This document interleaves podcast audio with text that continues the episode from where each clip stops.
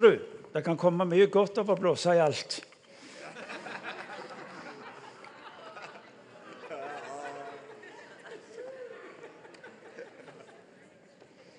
Jeg regner med at jeg blir mobba for den. Men det vil jeg bare fortelle deg. Jo eldre det korpset blir, jo bedre blir dere. Det er helt spesielt. Fantastisk. Kjekt å ha dere her. Fortsett å blåse. Jeg eh, har fått en tekst som har vært inne i de siste ukene og månedene. Og, men før vi går inn i den teksten, så har jeg lyst til å eh, anerkjenne en mann som for mange år siden betydde veldig mye for meg. Han var en som trodde på meg, og som heia på meg. Og ante nok til tider at det var en del utfordringer som fulgte med denne cave. Men han hadde tro på han. Eh, og jeg vil at dere skal anerkjenne ham med en skikkelig applaus. Rolf Nordin heter han. Han sitter bak oss der. Rolf, du må reise deg. Og så vil jeg at vi skal gi han en skikkelig klapp.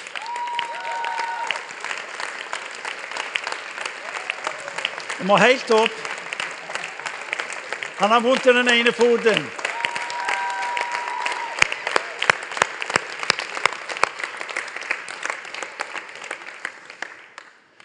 Og slik er egentlig historien. Eh, der hvor det skjedde noe, så får vi veldig ofte øye på en eller annen sånn type frontfigur. Men det var alltid noen som heia på, det var alltid noen som hadde tro på. Det var alltid noen som la forholdene til rette. Rolf var en sånn en mann som, eh, som, hadde tro på, som tidlig eh, eh, la forhold til rette gjennom sitt engasjement i, i Varden menighet. og han og hans venner skapte et miljø for unge mennesker som hadde betydning i den tida og i årene som kom. Eh, og Hvis du ikke kan noe annet, så begynner å heie på folk. Og Det er noe av det sterkeste med som våger og tror at vi skal bety noe skal få lov til å være en del av Når folk begynner å heie på oss, så betyr det enormt. Fordi at det er en del motbakker og det er en del sånn såkalte skjer i sjøen. Og Der er det altså en type Rolf Nordin som, som heier, og som lar ordene nå en. Og det er ord som oppmuntrer og skaper mye mot. Så Rolf, kjekt å se deg her. Det er en sann glede. Han har ikke vært her. Eh, dette første gang han er der i dag, så tenkte jeg kult, altså. Så jeg fikk sjanse til å anerkjenne og si hvor mye jeg har satt pris på det du betydde for meg, og det du har betydd for mange, mange andre. Der skal du ha, Rolf. Eh, Johannes 16. Men før vi går inn i det, så må jeg må fortelle to vitnesbyrd. Eh, det er eh, for, deg, for deg som vil høre hva Gud gjør enda mer konkret, så er altså bønne- og lovsangsmøtene om tirsdagen. Der er det mye lovsang, mye flott tilbedelse. Men det er også et sted hvor vi setter navn på og får høre om hva Gud gjør mellom oss. To korte vitnesbyrd som eh, gjorde inntrykk på meg. Det ene var at Gud minnes om, eh, om økonomi. Folk var utfordra på økonomi, og vi, vi opplevde at vi skulle løfte det fram og be for folk. Og så kommer vitnesbyrdene om hvordan Gud griper inn og Gud velsigner på helt uforklarlige måter og er med på å snu situasjonen med hensyn til økonomiske utfordringer. Så ehm, Det er det ene vitnesbyrdet. Jeg har sagt, Hvis du har økonomiske problemer, ja, så se hold deg i Guds hus, da. Slik at du kan være under Guds velsignelse med livet ditt. Ja. Vi har av og til en tro at i kirka er det kun helt bestemte ting vi er og langt ifra. Så det står at hans velsignelse skal være hele vårt liv. Andre vitnesbyrd er fra ei ung jente som, eh, som en av våre unge jenter gikk sammen med på skole i, eh, på Hawaii, på en DTS til ungdom i oppdrag. Og hun gikk noe på, Den tida hun var i Norge, så gikk hun på, på bønn- og lovsangsmøtene. Og så forteller hun lurer på om det var den siste uka hun var i Norge. Og så forteller hun at eh, hun var på en sånn sightseeing i Lysefjorden med en båt. og Så ble hun sittende ved sida av ei dame som hun ikke kjente. Men denne dama var altså så begeistra og så betatt over naturen og alt det vakre som var innover Lysefjorden, og, og, snakket om dette og uttrykte dette. her. Og så tenker da den unge jenta på ca. 20 så tenker hun, må jo si noe til henne om, om, om Gud. Men hun syntes dette var fryktelig vanskelig, visste ikke hva hun skulle gjøre. Og, og endte opp der som de fleste var. at Nei, jeg får det ikke til. Og så plutselig så sier Gud til henne at du skal si til henne at, at hun er det vakreste som er blitt skapt. Og denne dama satt der og lovpriste alt det vakre hun så. Og så sier plutselig denne jenta jeg, jeg forstår at du er veldig begeistra for alt det vakre som du ser rundt deg. Og så ser hun eh, dama som eh, var begeistra, og sier hun, 'Hvorfor sier du det?' Og så sier den unge jenta, eh, 'Du ser deg er en kristen.' Og når jeg sitter og hører på deg, så, så, så jeg skal bare si til deg hva av alt det vakre du ser rundt deg, så er du det vakreste Gud har skapt.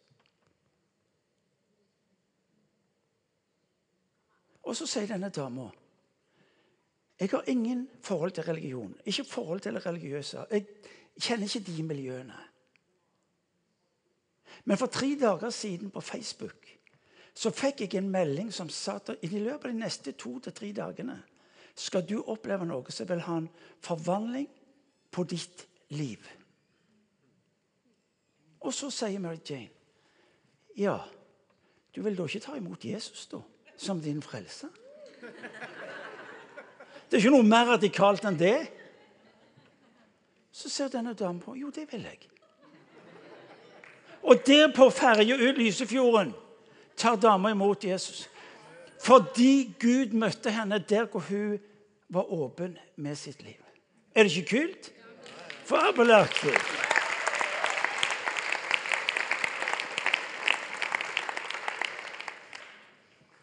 Jeg har sagt det mange ganger før. Folk, folk, folk lengter etter å bli kristne. De vet det bare ikke. Ja, men, altså, det, er jo, det er jo total kollaps. Og så kan du si at vi ikke har noe med Gud å gjøre, når de egentlig ikke skjønner hvem han er, og hva han vil gjøre i livene deres. Allmaktens Gud sier vet du hva, la meg få lov til å bety en forskjell i livet ditt. Ja, jeg skjønner ikke så mye av Ja, men du er ikke alene på det. Jeg har vært frelst i 39 år. Det har jeg ikke det. 49. Jeg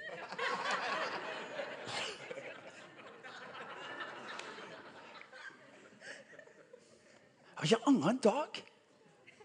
Fordi han tar oss inn, meg inn i et liv med et innhold som sprenger alt jeg trodde var mulig. Så eh, Ja, dette var innledningen.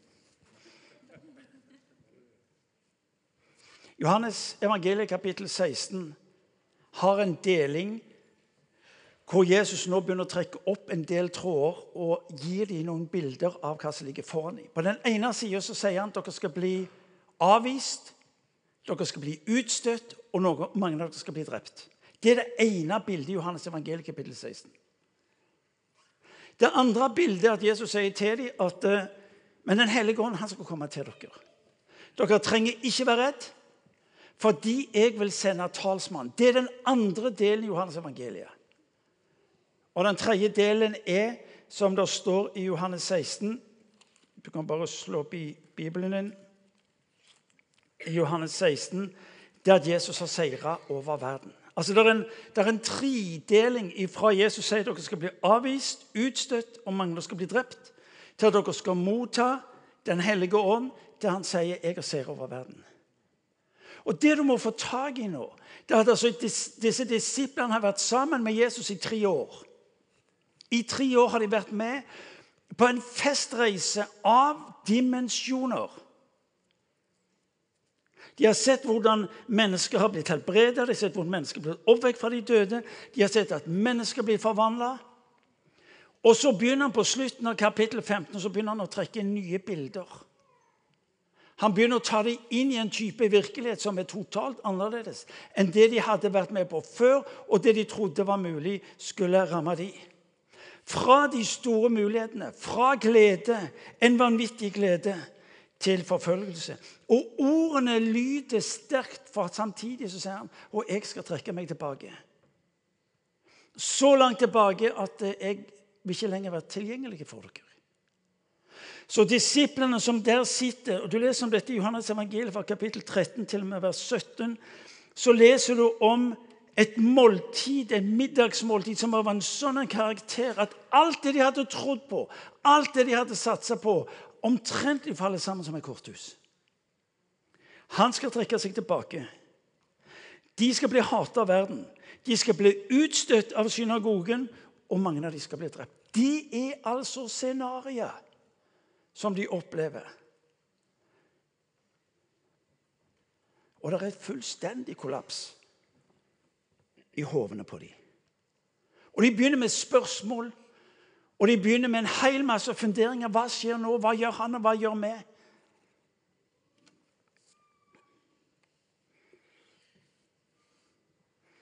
Det står Johannes 15.: Verden vil hate dere. Hvorfor vil verden hate? Jo, fordi at du som en Jesus-etterfølger, sier Jesus, vil ved ditt liv representere en korrigering til samfunnet rundt deg. Du vil som en Jesus-etterfølger representere en annen type liv. En annen type budskap. Det står noe uhyre interessant i hebreerbrevet når, når, når eh, når denne Bibelens mann ser tilbake i historien, så begynner han å snakke om Noah. Og om Noah så står det at hans tro ble en dom over verden. Måten som Noah levde ut sin tro på, hadde konsekvenser for omgivelsene. For livet hans sa plutselig noe som ikke var på plass. Det var noe som ikke stemte. Det var noe som ikke var som det skulle være. Hans tro, står der, ble en dom. Og så er det interessante at hatet Jesus sier at dere skal bli hatet. Hatet kan ha forskjellige uttrykk. I dag opplever mennesker et martyrium som verden aldri har opplevd lignende til. Hvor hatet har uttrykk av forfølgelse, har uttrykk av tortur, har uttrykk av død. Men hatet kan også ha et uttrykk av eh, trakassering. Hatet kan ha uttrykk av å ville mm, latterliggjøre. Hatet kan ha uttrykk av tausheten. Jesus sier, 'Innstill deg på fordi dette er normalen'. Forfølgelse er ikke normal, folkens. Og det er interessant når Jeg reiste, jeg reiste i Øst-Europa i nesten ti år eh, og mm, med, med, som kurer når det gjaldt bibler og medisiner og en hel masse forskjellige ting. Det interessante er aldri møtte jeg ifra den forfulgte kirke en bønn om Gud spar oss for dette. Men jeg hadde ett budskap der jeg som en grønn vestlending ikke skjønte omfanget av det de sto midt oppi. For der vi ville ha sett på forfølgelsen som et problem, så de på det som en mulighet. Og husker jeg, jeg møtte doktor Campone, pastor i den store menigheten i Laos. Jeg skal se litt om han senere. Og han sier vi ber om at Gud skal spare oss fra den vestlige kristendommen. Fordi vi er redd vi skal miste selve kraften i det Gud har gitt oss. De kunne ha fokusert på problemet, men det de så, det var muligheten. Og så hadde de en kraft inn i sitt folk som de aldri tidligere hadde hatt, som historien også bekrefter. Så hender det folkens, at du og meg får vanskeligheter av helt andre grunner enn at vi er Jesu etterfølgere. Ved at vi ikke lever rett overfor mennesker og samfunn. Sørg for å bli forfulgt av rett grunn.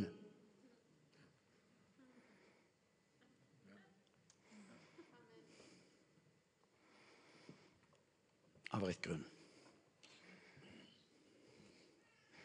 Og så, i kapittel 16, vers 1, sier Jesus innledningsvis Dette har jeg sagt dere for at dere ikke skal bli ført til fall.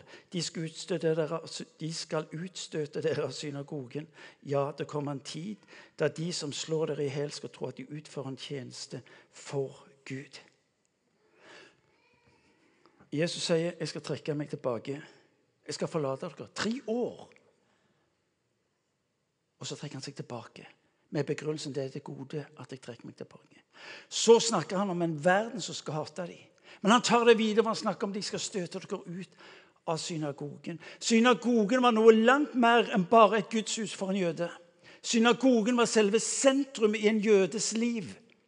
Fordi ut ifra det sentrum var det de hadde relasjonen. Relasjonen med familien, relasjonen med samfunnet. Det var en del av Ut ifra eh, synagogen hadde det også konsekvenser for det økonomiske. Måten som de levde og forholdt seg til omgivelsene. Religiøse sentrum var i synagogen. Og i det øyeblikket de ble utstøtt av synagogen, mista de relasjonene. De mista det religiøse sentrum i livet sitt. De mist- mista den økonomiske, finansielle eh, koblinga til samfunnet rundt seg. Jesus sier egentlig til dem at om ei stund skal dere miste fundamentet sosialt sett fra veien videre.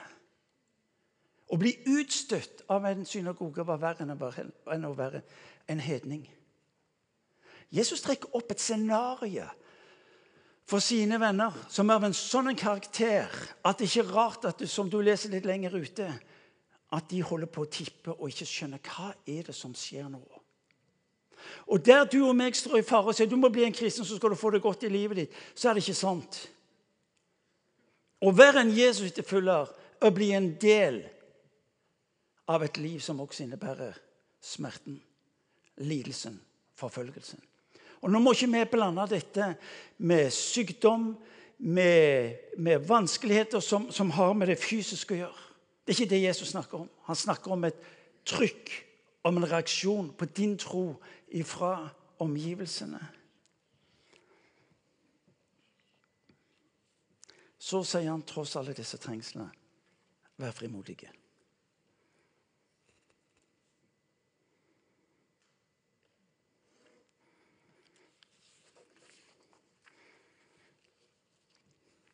Han trekker opp et nytt bilde. Jeg skal sende talsmann til dere. Hva er det han sier? Han sier, 'Men jeg sier dere' Men jeg sier dere sannheten. Det er det beste for dere at jeg går bort. For dersom jeg ikke går bort, kommer ikke talsmannen til dere. Men går jeg bort, kan jeg sende ham til dere. Og når han kommer, skal han gå i rette med verden og vise den hva synd er, hva rettferdighet er og hva dom er. Synden er at de ikke tror på meg. Rettferdigheten er at jeg går til Far, og dere ser meg ikke lenger. Dommen eh, er at denne verdens fyrste er dømt. Ennå har jeg mye å si dere, men dere kan ikke bære det nå. Men når sannhetens ånd kommer, skal han veilede dere til hele sannheten. Det er som om Jesus sier til dem, med det scenarioet av det som ligger foran dem, så det er som han sier, 'gled dere'. For inn i deres liv taler han nå et overraskelsens språk. For han sier, 'Fordi at nå er det godt for dere at jeg går vekk', slik at talsmannen kan komme til dere. Og det aner meg at når Jesus så på disiplene der de satt rundt bordet, og han så på fjeset deres, han kjente uroen i, så uroen i hjertet til dem, så tok han der inne og tenkte med seg selv, hva gutter, dere skjønner ikke hva som ligger foran dere, men dere har en tid som dere aldri var i stand til å fantasere om var mulig. Jeg skal sende dere talsmannen, sier han. Og så har vi pinse i dag rett bak oss, og vi, vi skjønner hva det betydde. Fordi at Guds ånd skal ta bolig i dere. Når så Den hellige ånd skal overbevise verden om synd, om rettferdig og dom, så må du få tak i dette, fordi dette er noe som jeg for min egen del opplever har blitt viktig. Det står han skal overbevise verden om synd. Noen av oss har en erfaring og bakgrunn fra vekkelseskristendommen. Fra en pietistisk tilnærming til troen. Hvis fokus ble uheldig, kun en fokusering på synd. Hvor vår forståelse av Den hellige ånd var at hans oppgave var primært å være politi. Det var å lete opp små synder, store synder, ubetydelige synder, viktige synder. Og så var det et register på synd som folk, når de tenker kirke, forbinder den med alt kirka imot. Jeg husker tidlig i Stavanger Innovasjon vi hadde vekkelsesmøter, som vi kalte det for. Og hadde predikanter inn som begynte å ha et oppgjør med jentene fordi de gikk i dongeribukser. De hadde ringer i ørene. Ja, De spente fotball, og det var ikke måte på alt det de kunne pensle ut av galskap. Hellige Ånd overbeviser dere om det er feil å gå med dongeribukser og jenter. Og noen av oss tenkte ah, ah. Når jeg sa etter denne uka Jeg sa aldri mer. Det var slutt med vekkelsesmøtene i Stavanger Misjon. Helligånd kom for å overbevise om Jesus. For hva er synd? Synd er det at de ikke tror på Jesus. Det er det Bibelen er opptatt med. Der jeg møtte mennesker som aldri kunne finne hvile i troen på Jesus. Fordi det var alltid ei synd som en eller annen klarte å oppdage, eller de ble minnet på. Og så ble kristenlivet primært å holde seg klar av istedenfor å få lov til å jage imot. Fordi det jeg ble minnet på, det var det som skulle vært annerledes i livet mitt. Ikke det jeg skulle få lov til å motta fordi det var en som elska. Det er to forskjellige ting. Fordi du og meg vet, fordi vi er litt opplyste og har lest bøker, at det jeg fokuserer på, det gir kraft i livet mitt. Hvis mitt fokus er synd, så skal jeg fortelle deg det, det er det du gir kraft til i livet ditt. Hvis du fokuserer på Guds godhet, på Guds nåde, på Guds kjærlighet, hva han vil bety av forskjell i ditt liv, så er det det du gir kraft i livet. Får du tak i det? Herlig freden for en forskjell. Synd er at de sa nei til Jesus. Og Dette blir plutselig uhyre interessant, fordi at det, det forkrøpler oss. Vi tror det er rett kristelig å tale mye om synd. Hør meg riktig. Det, det, er riktig sagt og litt sånn feil allikevel. Men det, dere får tak i poenget. Gud bryr seg vel ikke mye om de synd, for den har han gjort offer for, for lenge siden. Er du med meg? Han har gjort opp for din synd. Det var derfor han døde på et kors. Fordi at du skal slippe alle ditt fokus være synd, men du skal få lov til å ha fokus på han som er Jesus. Vi hadde nattverd her inne på eldresykehuset. Toren og meg. Husker du det, Toren? Der inne. Og vi gjorde det så enkelt for de kunne gå til nattverd at du kunne vært den største kjeltringen på jord, og du skjønte at det var for deg nattverden egentlig var. Ja. Ingenting var på plass i livet. Og de tok imot. Og så på veien ut til de av disse gamle, 92 år gamle så sa hun i dag gikk jeg til nattverd for første gang i livet mitt. Nei. Ja, Men hvorfor ikke før, da? Å nei, sa jo jeg. Jeg holdt jo ikke mål, jeg. Jeg passet jo ikke inn, jeg. Det var så mye som skulle vært annerledes i mitt liv, så jeg kunne jo ikke det. Men nå forstår jeg jo at nattverden er for meg. 92 år! Hun dansa ut døra! I all verden er det vi har gjort som kirke. Når vi har klart å gi folk en forestilling at kirkas primære anliggende er synd istedenfor nåde. Amen. Kom an. Jeg liker den der. Kom an. Han skulle overbevise om rettferdighet. Inn i en jødisk kultur var rettferdigheten slik at den var du til den var du berettiget til hvis du innfridde bud og lov. Hva er rettferdighet? Jeg har min eh, definisjon. Rettferdighet er kvalifisert uklanderlighet. Det er bra. Kvalifisert uklanderlighet. Den rettferdigheten som Ånden kommer for å overbevise om, det er å si Hør, min rettferdighet, den gir jeg deg. Du er tilregna rettferdig. Når du driver på med dine regnestykker og ser de opp mot lov og krav og bud, og alt dette, så sier Bibelen at du kan la det ligge. Fordi at den rettferdigheten jeg gir deg, er du ikke fortjent til. Men du får den fordi at jeg elsker deg. Og så er det slik Jesus sier. Det er litt sånn religiøst språk som jeg ikke får helt tak i, men vi, vi prøver i hvert fall. Så sier Jesus at eh, og når sønnen sitter ved Faderen, står der så er det sånn at Da er det på plass. Fordi Jesus sto opp fra de døde. Det soningsverket han gjorde på korset, var godtatt. Og så står det at han, Kristi hjemfartsdag, står der, satte seg ved Faderens høyre hånd. Og der sitter han. Den skal komme igjen. Rettferdighet. Vet Du hva? Du, du, du kan ikke gjøre deg fortjent rettferdig ved å leve såkalt kristelig eller religiøst perfekt. Når Bibelen taler om rettferdighet, så er det en tilregna. Det er en gitt rettferdighet. Og hva det betyr Hør nå! Du er kvalifisert uklanderlige. Ja, men du skulle bare visst Ja, han vet vel. Men det er jo ikke på det grunnlaget han rekker deg det. Han rekker deg det fordi han elsker, og det som skilte, det tar han vekk på korset. Tre om dom. Verden felte dommen over Jesus og korsfestet han. Den hellige ånd kommer for å overbevise om dom. Hvilken dom? Jo, den dommen som det står at denne verdens fyrste er dømt. En dag ble Jesus dømt. Denne verdens første dømte Jesus. Hør nå, å få tak i dette her. Men det var ved denne dommen så tar han den dommen som mennesket skulle hatt. Når Jesus dør på et kors, og det synes som han blir knust, så er det du som blir knust ved han.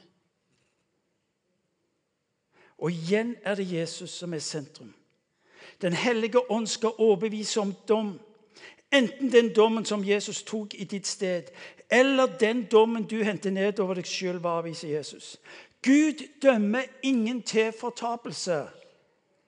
Det gjør mennesket sjøl ved å avvise Jesus og hans stedfortredende lidelse, død og oppstandelse. Hør, det er Jesus fra begynnelse til slutt. Der folk snakker om og forstår det som synd, kommer Den hellige ånd for å overbevise om Jesus. Der mennesker er opptatt med karatesing eller rettferdighet ved gjerninger, eller you name it, så er Den hellige ånd opptatt med å fortelle ja, men det handler om Jesus. Og når eh, denne verden er opptatt med type dom og hva som kan skje med hensyn til den tid som ligger foran, og, og vi skal prøve å sikre oss, så er Den hellige ånd opptatt med å fortelle om Jesus. Det er det som går igjen. Jesus sier i Johannes kapittel 15.: Bli i meg og så blir jeg der i, i dere. Bli i mitt ord, og så blir jeg i dere. Inntil nå, sier han, har dere ikke skjønt mye, men Den hellige ånd skal veilede dere til hele sannheten.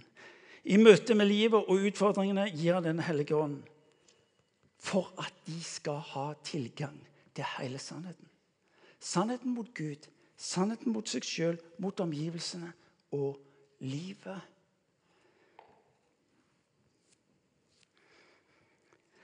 Jesus sier 'min glede'. Vi skal begynne å slutte. Jesus er opptatt med å dele med disiplene en ærlig forståelse av dagen og fremtida. Og så velger han å gjøre det ved å bruke bilder av en kvinne som skal føde. Hvor han forteller at i første fase av fødselen er det smerte. En ubegripelig smerte. En smerte som menn overhodet ikke skjønner noe av. De har i beste fall en teoretisk forståelse av det. Men jeg har vært med to ganger. Og det var ufattelig hva slags type smerte som kom jeg i møte ved å være i det rommet. Men det interessante var Irene var aldri opptatt med smerten fordi hun så hva som lå foran. Jesus er opptatt med å fortelle vet du hva? Der er smerte. Der er dager med motgang. Der er dager hvor det blir vanskelig å skulle være en Jesus etterfølger. Men se frukten. Se hva jeg har foran dere på andre sida. Hvorfor det må være sånn? I don't know. Jeg vet ikke hvorfor damer må gå ni måneder med et foster. Ingen menn kjenner det egentlig. Nei. Ni måneder. Og hvorfor må det være så? I don't know.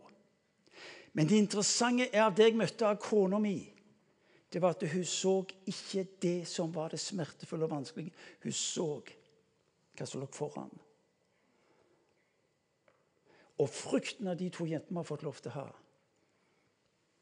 overskygger fullstendig alt det som hadde av smerte, av mørke, av fortvilelse, som Irene gjennomgikk de dagene.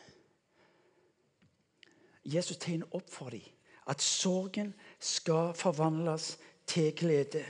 Fordi gleden for disiplene har sin kilde utenfor eh, omstendighetene, sier Jesus. Alle mine kilder er salmisten sitt ord. Alle mine kilder er i deg. Disiplene skal få lov til å oppleve det samme, sier Jesus. Både ved å få møte han som de trodde de hadde mista, men også frukten av deres liv og tjenesten sammen med Jesus. Og så er det når ingen kan ta fra dere denne gleden. Legg merke til han snakker om, et, om, gleden på et tidspunkt hvor det definitivt er ingen ytre omstendigheter som ligger til rette for at det eh, er muligheter for glede. Men han løfter blikket de søkere til å se framover og forstå at bare noen dager foran dem skal talsmannen komme til dem og forløse av sin glede. Og det er interessant når jeg reiste i Øst-Europa. Igjen og igjen så slo det meg litt når jeg var sammen med dem. Den gleden og den begeistringen og den takknemligheten de hadde over å skulle få lov til å være Jesu etterfølgere. Og, og takknemligheten fordi de fikk lov til å være, fikk lov til å være eh, Guds barn. En utrolig situasjon. Jesus sier til dem, be og dere skal få, så gleden deres kan være fullkommen. Når du og meg ser korset, så skal du primært se et sted hvor alt som hindrer deg i å motta Gud har for deg, er lagt ned. Og ved det får du tilgang til alle himmelens ressurser. Det er Jesus opptatt med å si det 'bli meg' bli mitt ord. Hvorfor? For når du blir i Han, i Hans ord, så ser du hvem Han er, og hva Han har for deg. En fullkommen glede snakker han om. Det er målet, står det i vers 24. Ikke betinget av omstendighetene, men at Han er nær. Vær frimodig, sier han. Jeg har seiret over verden. La det være en pangtes Faren for deg og meg som bekjenner troen på Jesus, det er at vi blir utydelige. Vi blir anonyme. Vi blir usynlige. Vet du hva konsekvensen av det er? Det er at livet ditt har ikke betydning. Det er det store alvoret. Jo, jeg er kristen, men det er langt der inne. En gang til. Du går klar av forfølgelsen. Du går klar av motgangen. Du går klar av konfrontasjonen. Enkelt er det bare å holde munn til. Det å velge å være anonym, være utydelig, være usynlig. Ikke gjør det. For hvis du velger det, så får ikke dine omgivelser tak i hva Gud ønsker for deres liv.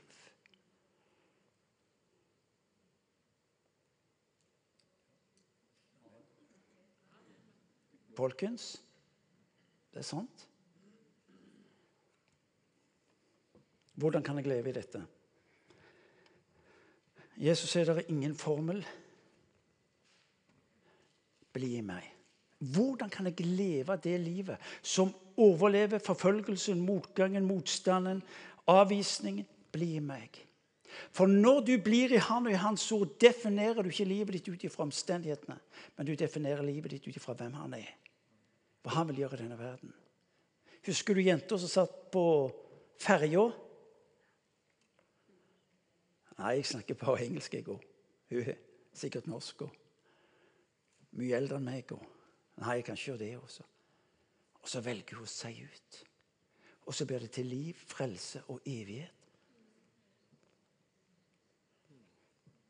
To vitnesbyrd til slutt. Kina 49. Ca. to millioner kristne.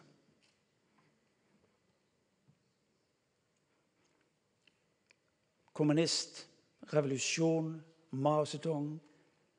Alle vestlige misjonærer ble kasta ut. Alle teologiske fakultet ble stengt. Alt som hadde med kristendom å gjøre, ble fjerna. Og de fleste ville tenke at nå er det slutt. Nå er det slutt på kirka i Kina. Dette er 49. Så utsettes de kristne som er i Kina, for en massiv forfølgelse av tortur, av død, av isolasjon. Umenneskelig.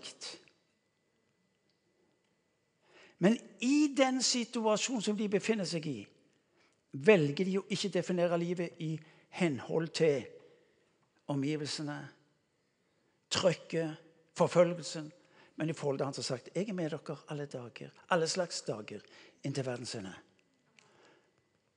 I årtusen regner de med at den lille flokken som er 49, ble enda mindre pga. forfølgelsen. Var vokst fra ca. 2 millioner til 120 millioner. Hør nå godt etter. Det er ikke omgivelsene som er avgjørende for om denne kirka her skal få lov til å bety en forskjell, men måten som du og meg velger å forholde oss til Kristus på. Når, eh, når Jesus er begeistra for at talsmannen skal komme, så vet han at Problemet for mine disipler er jo ikke motstand fra verden, hatet. Er jo ikke fra synagogefolket som vil støte dem ut. Men hvis de lar min ånd få lov til å slå ned imellom dem, vil han også slå ut iblant dem. Forskere snakker i dag, Sekulære forskere snakker i dag om Kina. Om en kraft som kirka representerer, som kan forvandle Kina. I dag sender Kina i stadig større grad misjonærer til resten av verden. Perspektiv. Din og min utfordring er ikke først og fremst forfølgelsen, men det er frykten for hva dette kan gjøre med oss. Og så det siste bildet. Doktor Campone, presten i Vientiane i Laos. Irene og meg møtte han for syv år siden av fascinerende. Laos er et av de siste land hvor kommunismen rår beinhardt. Forfølger kristne, tar livet av kristne. Eh, Irene og meg sammen med tre andre norske besøkte eh, Campone, som forteller om en vekst som er aldeles hinsides. På det tidspunktet så var veksten gått fra 17 mennesker i 1994 til ca. 250 000 for seks år siden. Og så spør jeg eh, doktoren Gampo du, hva forklaringen til denne veksten. Så ser han på meg og sier very simple, my friend. Very simple. Science and wonders. Science and wonders.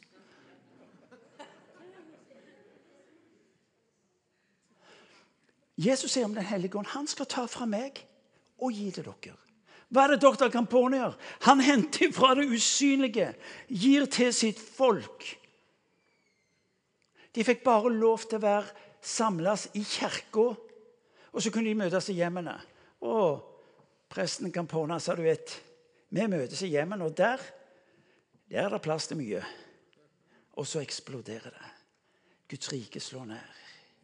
Fra 1994 med sine 17 til i dag eh, nesten 300 000 som er kommet til tro. Jo, de kunne ha definert at dette var umulig. Irene og meg var på et bønnemøte i Vientiane, hvor de ba for de som satt i fengsel pga. forfølgelsen. Very simple, my friend. Signs and wonders. Dr. Campone hente ut ifra det Gud hadde for ham og for sitt folk. Og han fortalte meg sist gang vi var sammen, sa han, du vet, det er veldig interessant, sa han. For 14 dager siden så var kona til en av statsrådene var her i kirka, for hun var syk. Og så ble hun helbreda momentant. Og du vet, sier han, nå blir det problemer i regjeringen. For ryktene begynner å gå om en gud som handler. Vet du hva? Det ateismen trenger, det er bare en erfaring av Gud. Og så faller ateismen sammen som et korthus. Du og meg er kalt til, uansett omstendigheter til å være et folk Gud, som, som muliggjør at Guds ånd slår ned mellom oss. Ånden skulle ta fra Jesus, og så rekker han det til deg og meg. Ikke for å overleve de vanskelige dagene, men for å se mennesker og samfunn bli forandra.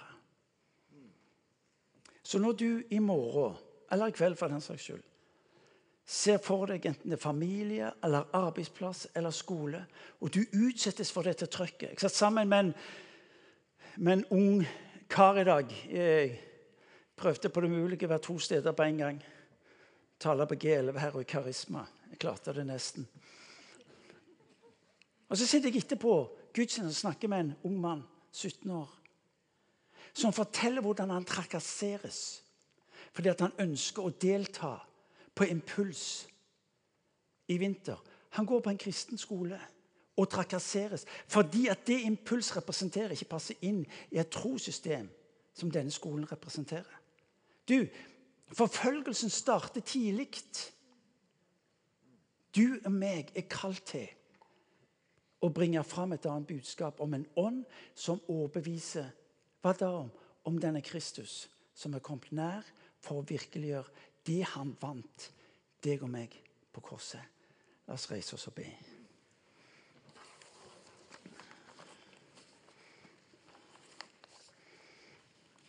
La meg få lov til å utfordre deg. Det er mulig du definerer din arbeidsplass eller skole eller familie eller nabolag som et sted hvor, hvor, du, har hvor du, har det vanskelig fordi du blir, for, ja, du blir trakassert og hersa med og ledd av og, fordi du ønsker å være en Jesus-etterfølger. La meg få lov til å utfordre deg til å spørre Jesus, hvordan ser du på denne plassen? Helligånd, hva vil du gjøre blant de menneskene som er opptatt med å tyne meg? Er interessant at Jesus sier du skal elske dine fiender. Uhyre interessant. For han vet at du og meg har ikke den kjærligheten. Men han vet at hvis han får gi den til deg, så vil du bety en forandring på den plassen.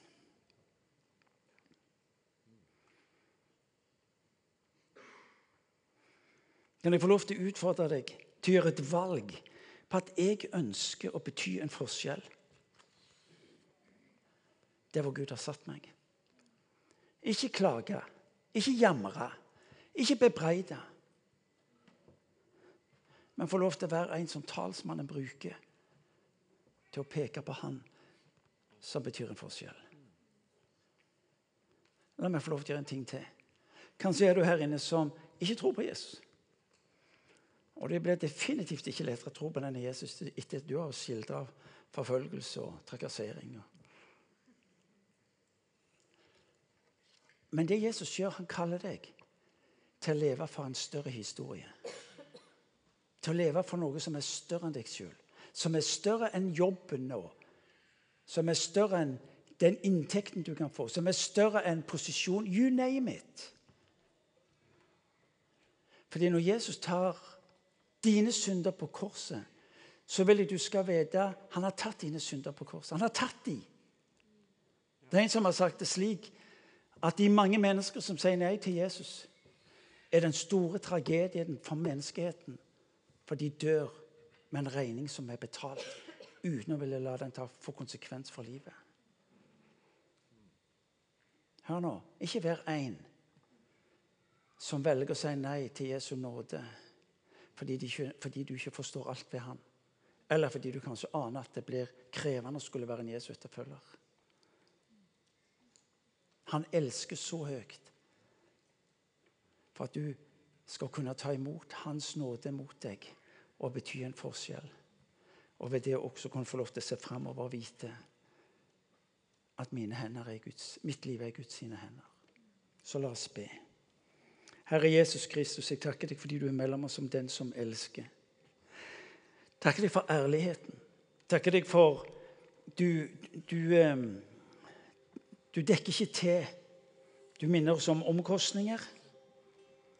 Du minner oss om motstand. Du minner oss om et mørke. Men inn i det så sier du at du sender talsmannen. Og jeg ber at du skal komme til den enkelte av oss som er i dette rommet i kveld. Far, jeg ber for de som ikke tror på deg, som ikke kjenner deg. Jeg ber at du skal komme til dem med din ånd og bare overbevise dem, Gud. Ikke primært om synder, men at du er kommet så nær for at de ikke skal miste livet. Far, jeg ber du skal komme til dem så nær at de skjønner at de skal slippe å la livet bli et kav og mas og strev for å bli et eller annet, men la de få skjønne, Gud, at de er erklært rettferdige hos deg. Og at de skal slippe å frykte for framtida, Herre. For den dommen som rammer deg, var den du har spart oss for. Far, jeg velsigner de i ditt navn. Far, la oss få lov til å være et folk som ikke definerer livet ut ifra omstendighetene. Far, la oss få lov til å være et folk herre, som skjønner det voldsomme at talsmannen er oss gitt for å bety en forskjell i det som synes å være død, i det som synes å være det håpløse, i det som synes å være det umulige, Gud. Du har velsignet oss med din ånd. Og der din ånd er, der er frihet. Uansett om det defineres som fengsel, uansett om det defineres som trakassering, defineres som forfølgelse, Herre, du sier at der hvor din ånd er, der er frihet og fred. Far, vi tilber deg. Vi opphøyer ditt hellige navn. Å, far, vi ber. La talsmannen komme. Berøre våre liv, forvandle våre liv. Herre, vi ber om det i ditt navn. Far, vi ber om det i ditt navn.